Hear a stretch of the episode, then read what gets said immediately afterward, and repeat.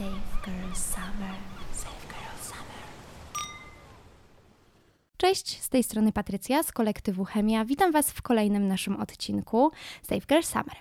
Wiele powiedzieliśmy w naszym podcaście na temat ochrony prawnej oraz pierwszej pomocy. Dziś natomiast pochylimy się nad czymś równie ważnym badaniami lekarskimi po doświadczeniu gwałtu. Dlatego dziś moją gościnią jest ginekolożka Milena Kapatnik. Cześć, bardzo mi miło. Witam Was wszystkich serdecznie. E, Cieszę się, że tu jestem. Mnie też jest bardzo miło. E, dostałam namiar e, do ciebie od Kamili Ferenc, która była też naszą gościnią. Tym bardziej mi miło, że wymieniamy się między sobą też ważnymi informacjami i kontaktami i dzięki temu możemy też poszerzać e, wiedzę naszych słuchaczy i słuchaczek. Powiedz mi proszę na początku, jak długo pracujesz w swoim zawodzie? Ja już pracuję w zawodzie, właśnie zaczęłam dziesiąty rok pracy, także e, pracuję już 9 lat e, w swoim zawodzie, w ginekologii i położnictwie. Także sama sobie zadaję pytanie, czy to dużo, czy niedużo, e, ale wydaje mi się, że już całkiem sporo, że to doświadczenie już jest coraz większe. Dalej to kontynuuję, bardzo to lubię. Cieszę się, że, że, że mogę pracować w tym zawodzie. A czy spotykasz się w swoim gabinecie z osobami, które doświadczyły przemocy na tle seksualnym lub gwałtu? Spotykam się, spotykam się z racji tego, że mm, ja mam dodatkowe wykształcenie z seksuologii klinicznej, więc e, nie tylko zajmuję się ginekologią i położnictwem.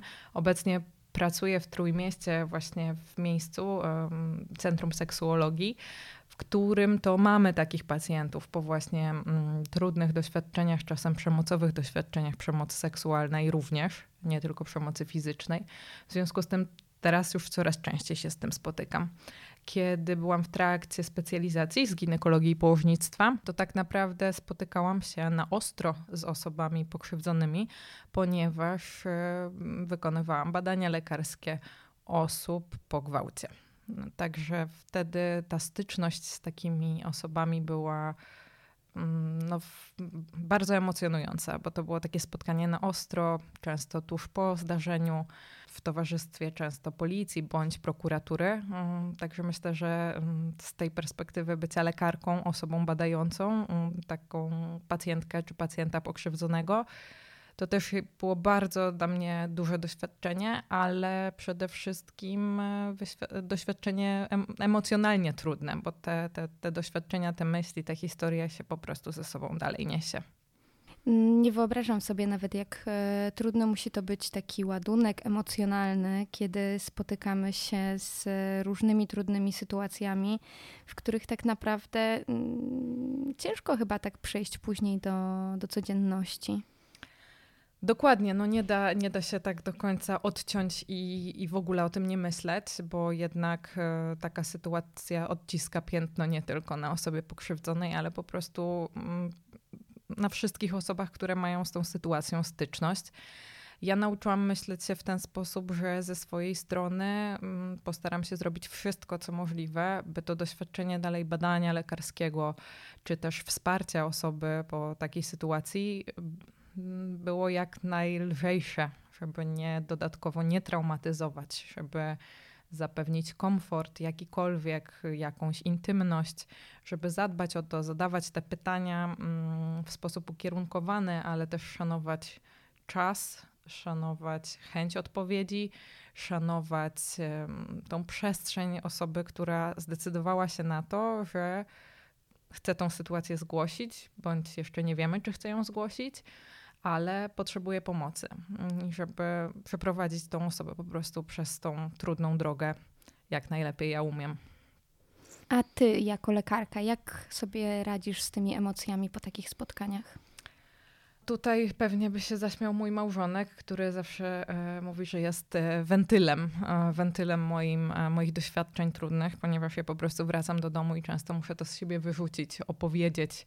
Mój mąż nie jest e, lekarzem, więc te historie słucha z perspektywy zupełnie niemedycznej osoby jest to pomocne spojrzenie, bo, bo pozwala mi właśnie nie analizować tego w sposób lekarski, tylko właśnie w sposób takiego doświadczenia zwyczajnej osoby niezwiązanej z medycyną, że to tylko nie wszystko się tutaj obraca wokół, wokół medycyny, wokół badania, ale wokół tego zdarzenia, które się wydarzyło i ja teraz ze sobą przynoszę. Zazwyczaj zajmowało mi to kilka dni, żeby tą sytuację gdzieś tam sobie ułożyć, przepracować.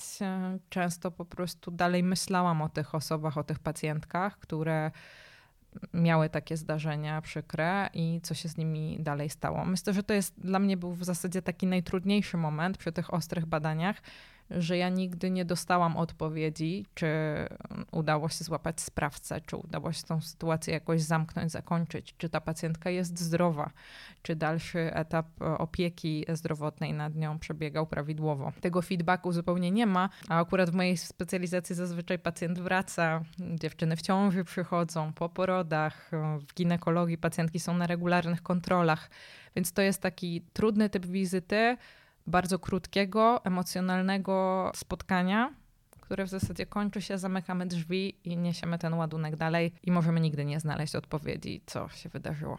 E, brzmi to bardzo trudno i ciężko. Mm, myślę, że chyba nie ma żadnego remedium na to, jak sobie z tym poradzić w taki łatwy sposób. Łatwy to w ogóle nie jest e, nawet dobre słowo, po prostu, żeby sobie z tym poradzić i jakoś nie, nie nosić ze sobą tego wszystkiego. Pozwolę sobie w tym miejscu przejść już płynnie do naszych e, pytań, bo w dzisiejszym odcinku będziemy rozmawiać właśnie o tym trudnym e, elemencie badań.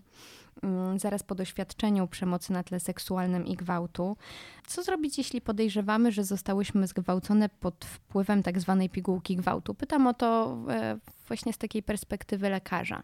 W takim badaniu bardzo istotne jest to, żeby to badanie wykonać jak najszybciej. Czyli jeżeli stawiamy przed sobą takie podejrzenie, że miało miejsce takie zdarzenie, należałoby natychmiast w zasadzie udać się do lekarza. Mm, może to być badanie, gdzie udajemy się do mm, szpitala na SOR, tylko jeżeli to jest badanie w kontekście gwałtu, no wiadomo, musi być to miejsce, gdzie może nas zbadać lekarz ginekolog. Jest to w tym kontekście właśnie bardzo istotne. W aspekcie mm, gwałtu to jednak musi być taka specjalizacja. Natomiast to jest sytuacja oczywiście dotycząca kobiety. Jeżeli e, osobą zgwałconą jest mężczyzna, wtedy może być to zarówno specjalista ginekologii położnictwa, jak i urologii bo musi dojść do um, bardzo um, dokładnej oceny po prostu narządów płciowych, w związku z czym dlatego jest to um, bardzo istotne, żeby był to lekarz takiej specjalizacji.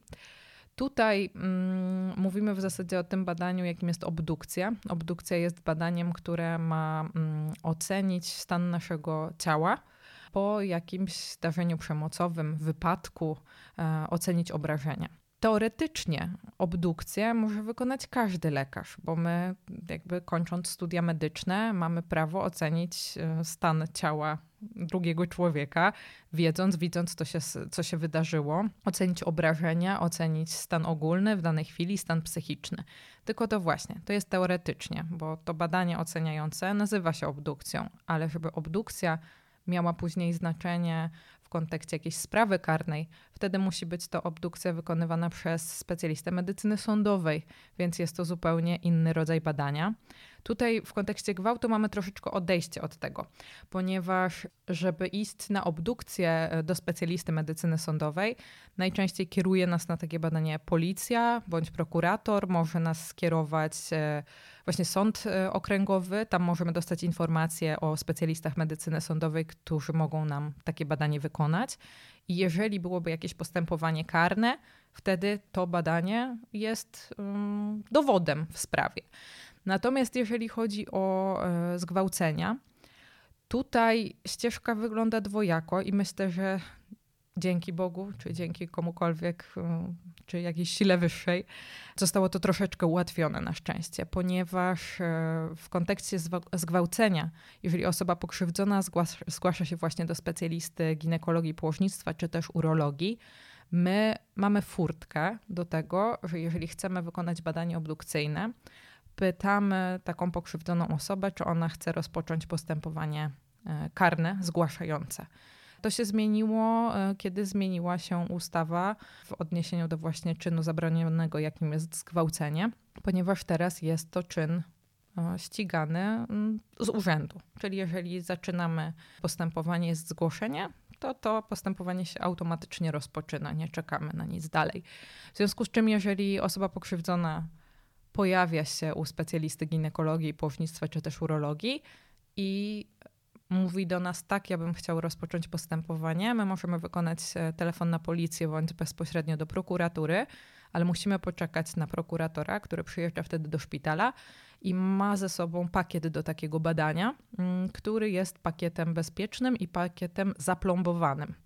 Wtedy w obecności prokuratora ten zaplombowany pakiet my otwieramy. Prokurator poświadcza, że tam w tym pakiecie wszystko jest, że to wszystko jest sterylne, przygotowane do zbadania. E, I wtedy może rozpocząć się badanie. Jak badanie się zakończy, my tak samo ten pakiet plombujemy w obecności prokuratora e, bądź policjanta, policjantki. Dzięki czemu e, ten materiał dowodowy wzięty w trakcie tego badania od razu zabiera ze sobą prokurator i to już jest dowód. Tam zawiera się dokumentacja, bardzo szczegółowy opis właśnie taki typu obdukcyjnego, plus pobrane wszelkie próbki e, do badania, które mogą zawierać DNA sprawcy. W związku z czym no, tam taki pełen pakiet jest. My nie musimy w zasadzie używać żadnego e, materiału, który, e, który jest w szpitalu, tylko wszystko jest właśnie przygotowane w tym pakiecie. My to bardzo dokładnie opisujemy. W takim pakiecie znajduje się kilka, wydawać by się mogło dziwnych rzeczy, ale to jest bardzo. Szczegółowo opisane. Tam na przykład znajduje się 10 mm, takich próbek do zebrania wyskrobin spod paznokci, ponieważ spod każdego paznokcia musimy oddzielnie pobrać wyskrobinę. Dlatego, że jeżeli osoba skrzywdzona się broniła, no to nawet pod jednym paznokciem może się znaleźć jakiś kawałek naskórka, gdzie e, uda się zbadać to, że jest to DNA odrębne od osoby pokrzywdzonej. W związku z czym to są czasem tak małe ilości materiału, że jeżeli pobralibyśmy to na jedną próbkę, mm, mało by było prawdopodobne, że uda się coś złapać. Dlatego jest to bardzo istotne, żeby ta próbka z każdego oddzielnie palca była oddzielnie pobrana.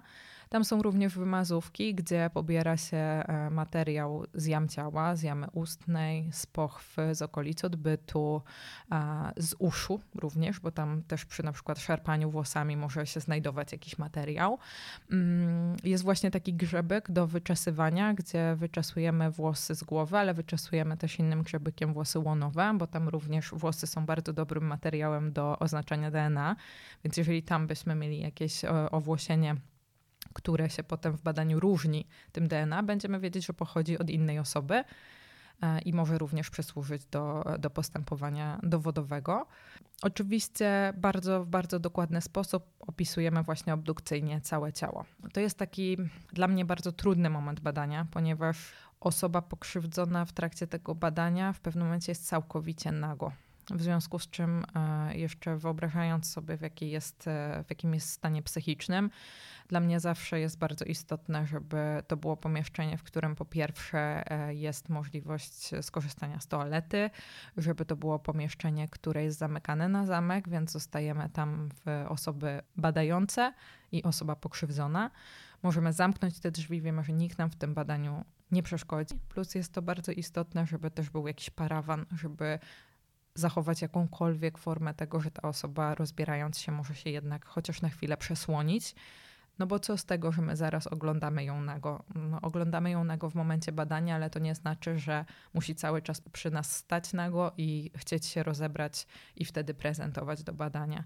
Staramy się zapewnić jednak te warunki maksymalnie komfortowe, jak tylko możemy sobie wyobrazić, że w ogóle w takiej sytuacji może być komfortowo. Wszystkie te informacje są bardzo, bardzo ważne w kontekście tego, że kiedy osoba skrzywdzona decyduje się, myśli, e, bierze pod uwagę chęć e, pójścia na obdukcję i chęć poszukiwania sprawcy, to tak naprawdę ta niewiedza dookoła całego tego e, badania i nieświadomość tego, jak może to wyglądać, powoduje taki dodatkowy stres i wątpliwości. I dlatego w kontekście naszego odcinka dzisiaj to wszystko, co mówisz, jest e, bardzo ważne, aby mm, idąc tam decydując się na to, mieć już jakiś taki backup w postaci podstawowej wiedzy. I dlatego bardzo Ci dziękuję, bo myślę, że mm, nie ma takich przestrzeni, w których możemy się tak e, szczegółowo dowiedzieć o tym, e, jak to wszystko się odbywa. Powiedz mi proszę, z czym trzeba się liczyć, decydując się na obdukcję? Decydując się na obdukcję, trzeba się na pewno liczyć z tym, że mm, będzie padać dużo pytań. Często będzie padać tych pytań dużo takich samych od różnych osób, co myślę, że potrafi być dosyć upierdliwe.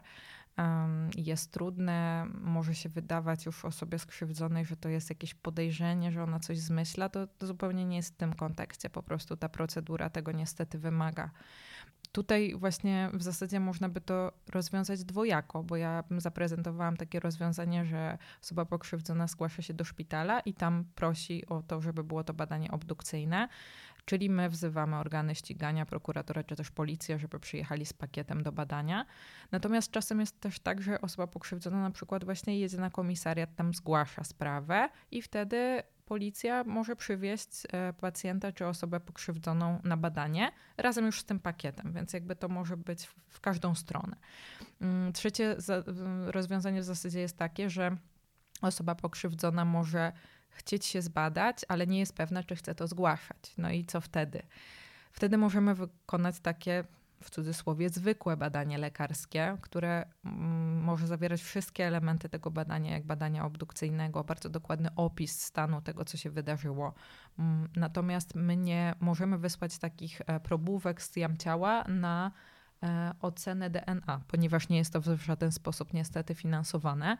Natomiast jakby cały proceder opisu badania możemy wykonać. To jest e, myślę, że i tak bardzo pomocne, bo to jest ważne, żeby w ogóle jakikolwiek ślad oceny lekarskiej po takim zdarzeniu był bo on już zawsze będzie, że tu zdarzenie zostało zgłoszone, badanie było i tak dalej to może nie być wtedy wykorzystywane jako materiał dowodowy, ale ma również znaczenie, że takie badanie się odbyło. Więc nie jest tak, że jak nie jesteśmy pewni, czy chcemy taką sytuację zgłaszać, to nie warto wtedy w ogóle zgłaszać się e, na wizytę, mm, bo samo badanie to już duży krok. No i jeszcze bardzo jedna ważna informacja odnośnie z tego, z czym trzeba się liczyć to tutaj apeluję, jeżeli to jest w ogóle możliwe, żeby e, o coś takiego apelować, ale może jak jedna osoba nawet usłyszy, to będzie to warte tego, że czas tutaj gra ogromną rolę. I jeżeli podejrzewamy, że coś się wydarzyło, to choć wyobrażam sobie, że największą ochotą jest wejście pod prysznic to bardzo ważne jest, żeby przyjechać na badanie jak najszybciej bez brania prysznica, ponieważ te wszystkie ślady my wtedy zmyjemy. Ten jakikolwiek naskórek spod paznokci w momencie chęci e, obrony, czasem nawet chwycenie za rękę może dam, dać nam jakiś materiał dowodowy na ciele, a taka prosta kąpiel już spowoduje, że tego materiału dowodowego może być coraz mniej. Także to jest bardzo istotne, jeżeli coś takiego podejrzewamy, jak najszybciej pojawić się na badaniu i bez kąpieli, jeżeli jesteśmy w stanie oczywiście psychicznie ten aspekt zaakceptować. Mm, powiedz mi, jak przygotować się? No bo y, już wspomniałaś o tym, żeby absolutnie nie, nie brać prysznica, ale y, jak w ogóle przygotować siebie i swoje ciało do takiego y, badania? Myślę, że tutaj jakby dla siebie przygotowanie to najważniejszy jest taki aspekt e, psychiczny, takiego zapewnienia siebie, że robię to teraz w kierunku swojego bezpieczeństwa. E, I, I to jest ważne, żeby to badanie się odbyło. E, to jest raz, a dwa, że mm, lekarz zaleci profilaktykę w kolejnych krokach, w związku z czym ta, zdarzenie to jedno, ale konsekwencje zdarzenia późniejsze mogą być bardzo liczne.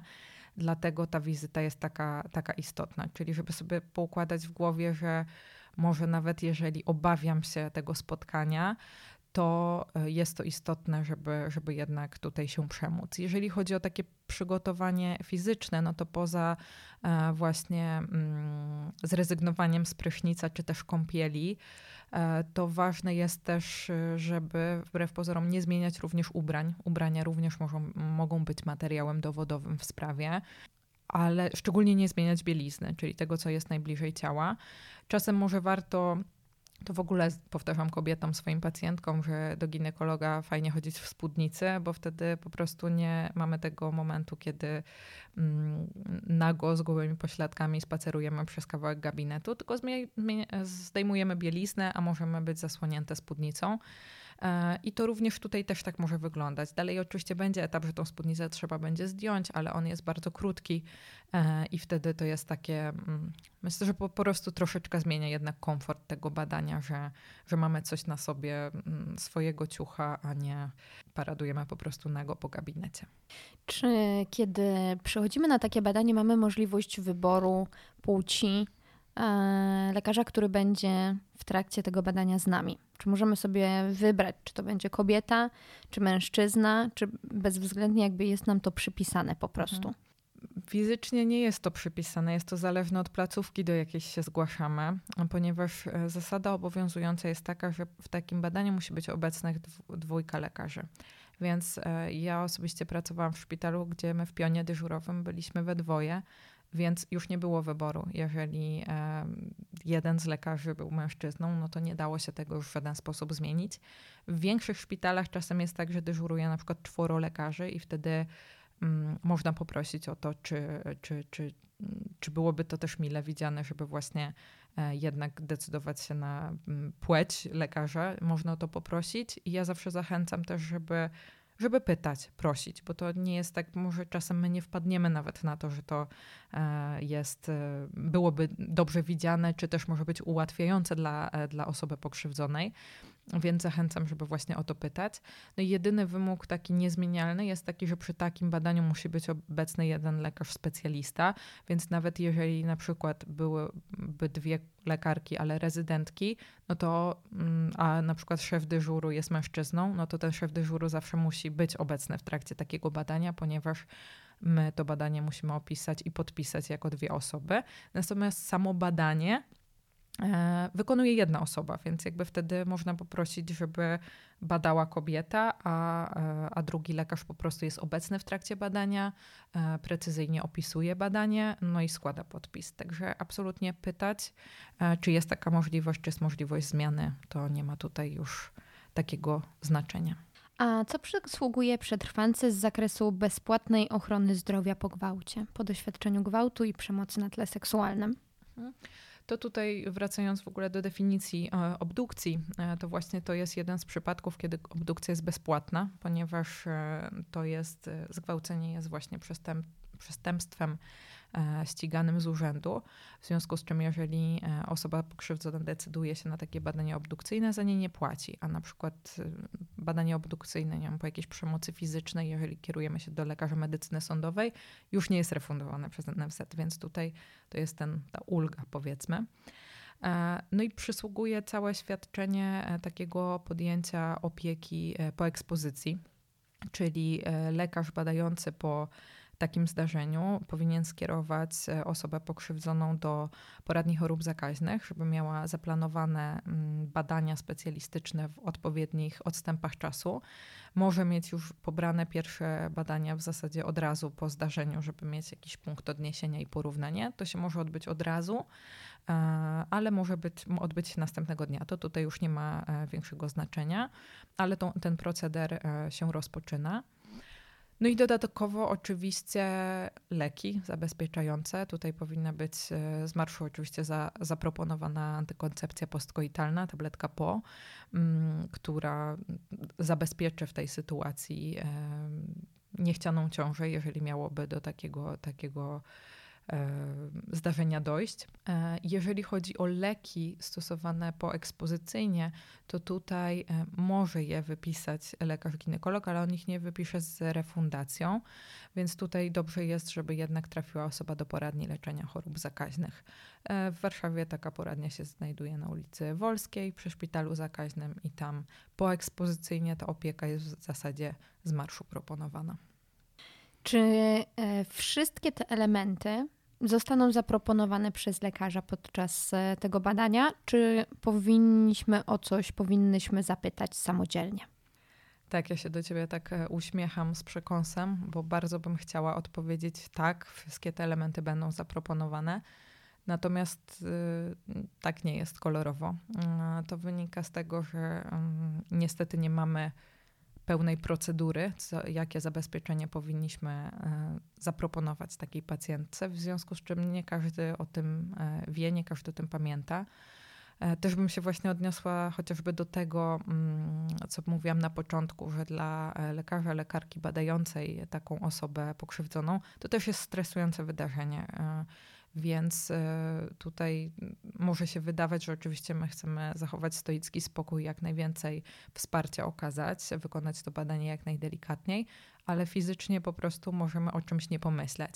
Więc bardzo mnie cieszą momenty, kiedy możemy poszerzać sprawdzoną wiedzę i uświadamiać e, się i edukować wzajemnie, mm, bo to jest właśnie moment, kiedy pacjent też może zapytać o coś, poprosić, czy ja powinienem o czymś pamiętać, czy powinienem wykonać jakieś badania, bo na to jest też procedura, tylko ona nie jest włożona do procedury ginekologicznej w właśnie zbadaniu pacjentki czy osoby pokrzywdzonej to trzeba sobie po prostu wykonując to badanie po raz kolejny samemu jakoś złożyć w jedną całość. I ja też wykonując każde kolejne badanie w pewnym momencie nauczyłam się tego, jak zrobić to kompleksowo i jak najsprawniej dla pacjentki, że z pewnymi rzeczami ja właśnie nie muszę jej odsyłać dalej, że te pierwsze badania krwi mogę pobrać na izbie przyjęć, e, finansując je przez NFZ w szpitalu, w którym wykonuję badanie mogę przecież antykoncepcję postkoitalną od razu przepisać, nie muszę absolutnie przecież pacjentki wysyłać nigdzie dalej.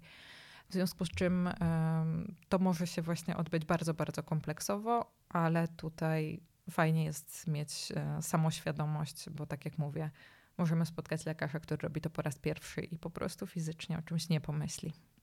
Chciałabym teraz przejść troszeczkę do etyki pracy lekarza, lekarki. Powiedz, um, czego lekarzowi, lekarce absolutnie nie wolno mówić, absolutnie nie wolno robić na takim badaniu e, typu obdukcja, ale myślę, że mm, jeżeli zapytam o to też szerzej, po prostu jako lekarza, ginekologa, ginekolożki, o tym dużo się mówi, na co reagować, na co nie pozwalać, gdzie stawiać granice i co powinno nas alarmować w zachowaniu mhm. lekarza podczas takiego badania. To jest zawsze dla mnie bardzo trudne pytanie, e, dlatego że dla mnie e, pewne historie są niewyobrażalne i kiedy ja słyszę o jakichś takich zachowaniach, to, e, to sobie po prostu nie umiem wyobrazić, że to się dzieje. Mm, I po prostu ja w ten sposób nie pracuję, więc dlatego może jest mi tak z tym trudno. Natomiast to tak jak powiedziałaś, to jest właśnie mm, Myślę, że rodzaj badania przy, mm, przy zgłoszeniu zgwałcenia, przy takim poszkodowaniu, jakby wzbudza na szczęście w nieszczęściu e, w lekarzu inną trochę czujność i mam nadzieję inną empatię. W związku z czym e, nawet jeżeli ten lekarz ma jakieś takie mm, swoje powiedzonka, które są nie na miejscu, to się w tym momencie akurat e, pohamuje. Natomiast e, jakby na co, na co reagować, no to myślę, że, mm, że właśnie reagować na to, że nie musimy, możemy jakby prosić o to, żeby nasze prawa, czy wręcz żądać tego, żeby nasze prawa były poszanowane, tak? Że mamy w tym momencie prawo do tej chociaż krzty intymności, tego, że możemy chcieć się jakoś przygotować do badania, przebrać, rozebrać, że nie musimy stać nago w trakcie takiego badania, że to badanie może się odbywać etapami, a nie rozbieram się do naga i stoję tak przez 15 minut, aż przepiszą i opiszą całą obdukcję. To nie musi absolutnie tak wyglądać, e, więc tutaj też możemy o to zawalczyć. Czy, czy mogę mieć badanie ginekologiczne, badanie narządów rodnych, a teraz założyć już bieliznę i wykonamy obdukcję reszty ciała, bo przecież nie musimy leżeć nago przez 10 minut. My i tak nie opisujemy wszystkiego naraz, tylko właśnie konkretne partie ciała po kolei. Możemy e, jakby zadbać właśnie też o to, to co rozmawiałyśmy a propos wyboru płci lekarza, tak? Czyli, że jeżeli mamy jednak tą preferencję, żeby to badanie wykonała kobieta czy też mężczyzna, bo tak nam jest w tym momencie bardziej komfortowo, to też o to prosić, o tym mówić. Ja do tego serdecznie zachęcam, bo my po tej drugiej stronie, tak jak mówię, czasem po prostu nie pomyślimy, że coś e, może być trudne albo właśnie jakieś bardzo proste rozwiązanie dużo zmieni więc tutaj bardzo, bardzo do tego zachęcam. No absolutnie, mm, co powinno nas alarmować, to każde przekroczenie granicy fizycznej. E, ja mm, teraz od dwóch lat pracuję w nowym miejscu, bo wyprowadziłam się z Warszawy do Trójmiasta. W związku z tym zupełnie nabywam nowego doświadczenia, poznaję nowe pacjentki, które też e, już do mnie wracają. Mam jakby swoją grupę pacjentek i czasem właśnie opowiadają mi o takich e, historiach, kiedy to na przykład lekarz klepnął pacjentkę w pośladki i powiedział siadaj, na, siadaj szybko tu na stół. No to są rzeczy, które nie powinny mieć miejsca, tak? To, że to jest badanie bardzo intymne. I e, ja zawsze zachęcam moje pacjentki, mówię, z ginekologiem się warto polubić, bo to jest tak intymnie, że jak się polubimy i przełamiemy tą granicę, to to badanie będzie może właśnie bardziej przyjazne, jakoś się tam rozluźnimy i tak dalej. Ale na pewno reagujmy, jeżeli padają e, do nas słowa, bądź właśnie jakiekolwiek małe ruchy, które w jakiś sposób przekraczają naszą granicę. Bo to często nie są tylko ruchy, ale też i słowa, które mogą nas skrzywdzić. Najłatwiej jest powiedzieć, nie wracajmy do takiego lekarza, oczywiście, ale to wcale nie o to chodzi, żeby tylko nie wracać, bo możemy w jakiś sposób ostrzec inne osoby i komunikować o tym, że takie zachowanie nie powinno mieć miejsca, więc absolutnie mówmy o tym głośno. Mm, ja chciałabym Cię jeszcze zapytać o tym, y, o to, jaki, lekarz wykonuje obdukcję, jeżeli mówimy o osobach nieletnich i niepełnoletnich. Czy jest to dokładnie ta sama placówka, ten sam lekarz, czy będziemy tutaj musiały udać się w inne miejsce? Mhm. Jeżeli chodzi o osoby mm, młodociane, czyli osoby między 16 a 18 rokiem życia, e, takie badanie może się odbyć e, w każdej placówce praktycznie, tylko no, to, co musimy pamiętać przy każdym e, badaniu osoby niepełnoletniej, no to na to badanie musi ona się zgłaszać z opiekunem. Więc to jest bardzo istotne. Między 16 a 18 rokiem życia w zasadzie opiekun wyraża tylko zgodę na badanie. Jeżeli osoba badana nie chce towarzystwa opiekuna, to ma do tego prawo. Ta osoba, e, opiekun prawny, nie musi być obecny w trakcie badania, nie musi w ogóle być obecny w pomieszczeniu. Może wyrazić zgodę na przeprowadzenie badania, przeprowadzenie procedury wywiadu i na tym zamykamy współpracę. Niestety poniżej 16 roku życia takiej możliwości już nie ma. Tutaj warto e, pamiętać o tym, żeby jeżeli zgłaszamy się już e, po jakimś takim czynie do, mm, do placówki, to jednak warto by było, żeby to była placówka również z oddziałem pediatrycznym, po to, że, że właśnie stricte poniżej 16 roku życia, to właśnie e, oddziały pediatryczne zajmują się e, osobami nieletnimi poniżej 16 roku życia, niezależnie czy to jest schorzenie właśnie ginekologiczne, urologiczne, jakiś uraz, może to być czasem chirurgia dziecięca. Więc jeżeli już mamy osobę poniżej 16 roku życia, to kierujmy się do dużych klinicznych szpitali, w których najprawdopodobniej są wszystkie te oddziały. A czy każda placówka jest przystosowana do tego, aby przeprowadzić obdukcję? Tak. Mm, każda placówka, gdzie może być wykonane badanie, po prostu jest przystosowana do tego, bo tak jak powiedziałam, e, do obdukcji pakiet jest przywożony. Także w zasadzie szpital nie musi mieć żadnego swojego wyposażenia. Jakby jeżeli jest to nawet badanie ginekologiczne, a byłby to oddział pediatryczny, to takie badanie nie musi się odbyć na fotelu ginekologicznym. My jesteśmy w stanie zbadać osobę należącą tylko jakby musi być pomieszczenie dostępne, muszą być dostępne rękawiczki, warto, żeby był wziernik, posiewówki. Um, także takie bardzo podstawowe wyposażenie będzie w zasadzie nawet dostępne w gabinecie lekarza POZ.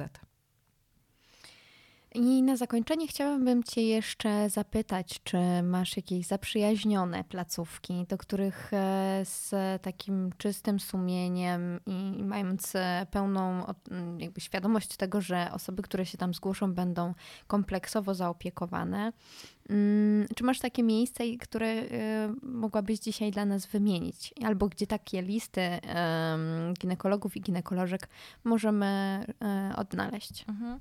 No ja na pewno z czystym sumieniem mogę polecić miejsca, w których y, pracowałam, e, bo to są bezpieczne przestrzenie potwierdzone przeze mnie.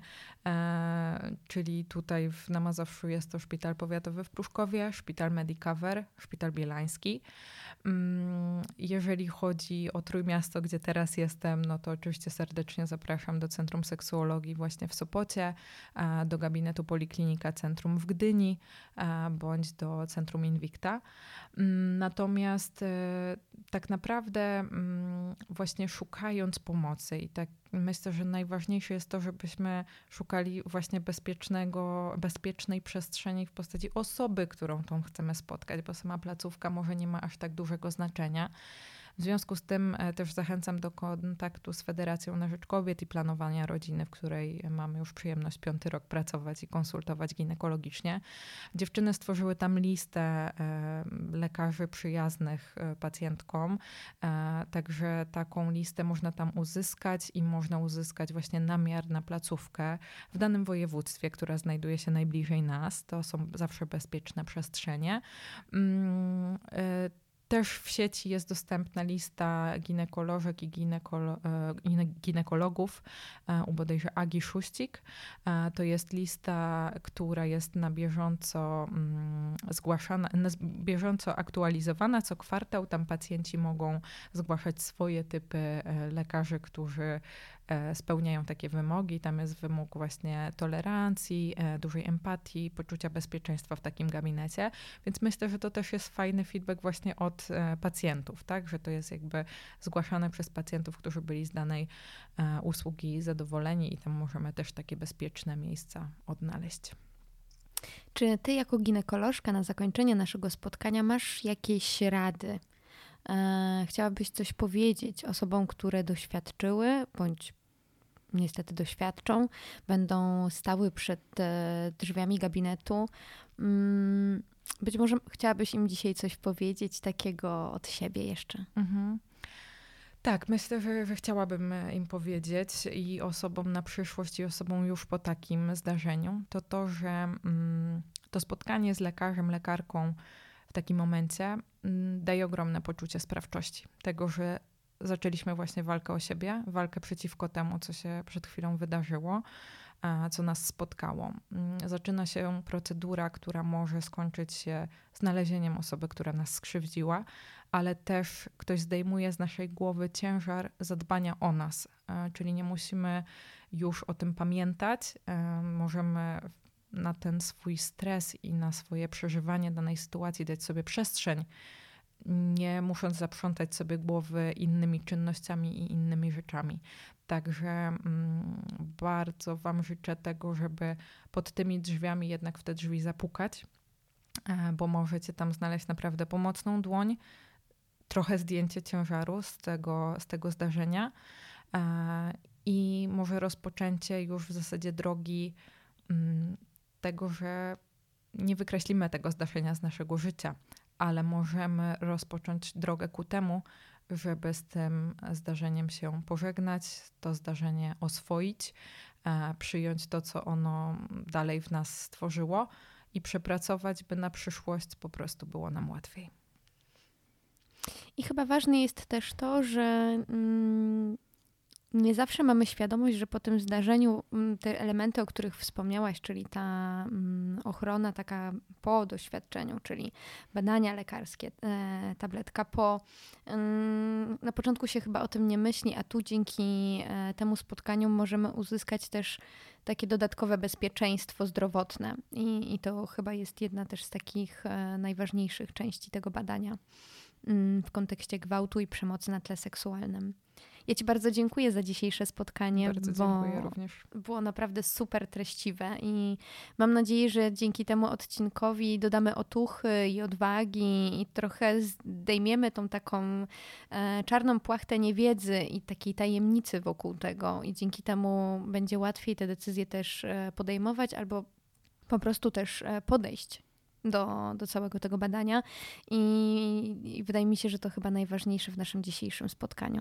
Także bardzo Ci dziękuję za Twój czas, tym bardziej, że tak jak wspomniałaś, um, przyjechałaś do nas do Warszawy na nagranie, e, tak abyśmy mogły zapewnić też wspaniałą jakość dźwięku, którą mamy dzięki e, krytyce politycznej, za co też bardzo dziękujemy.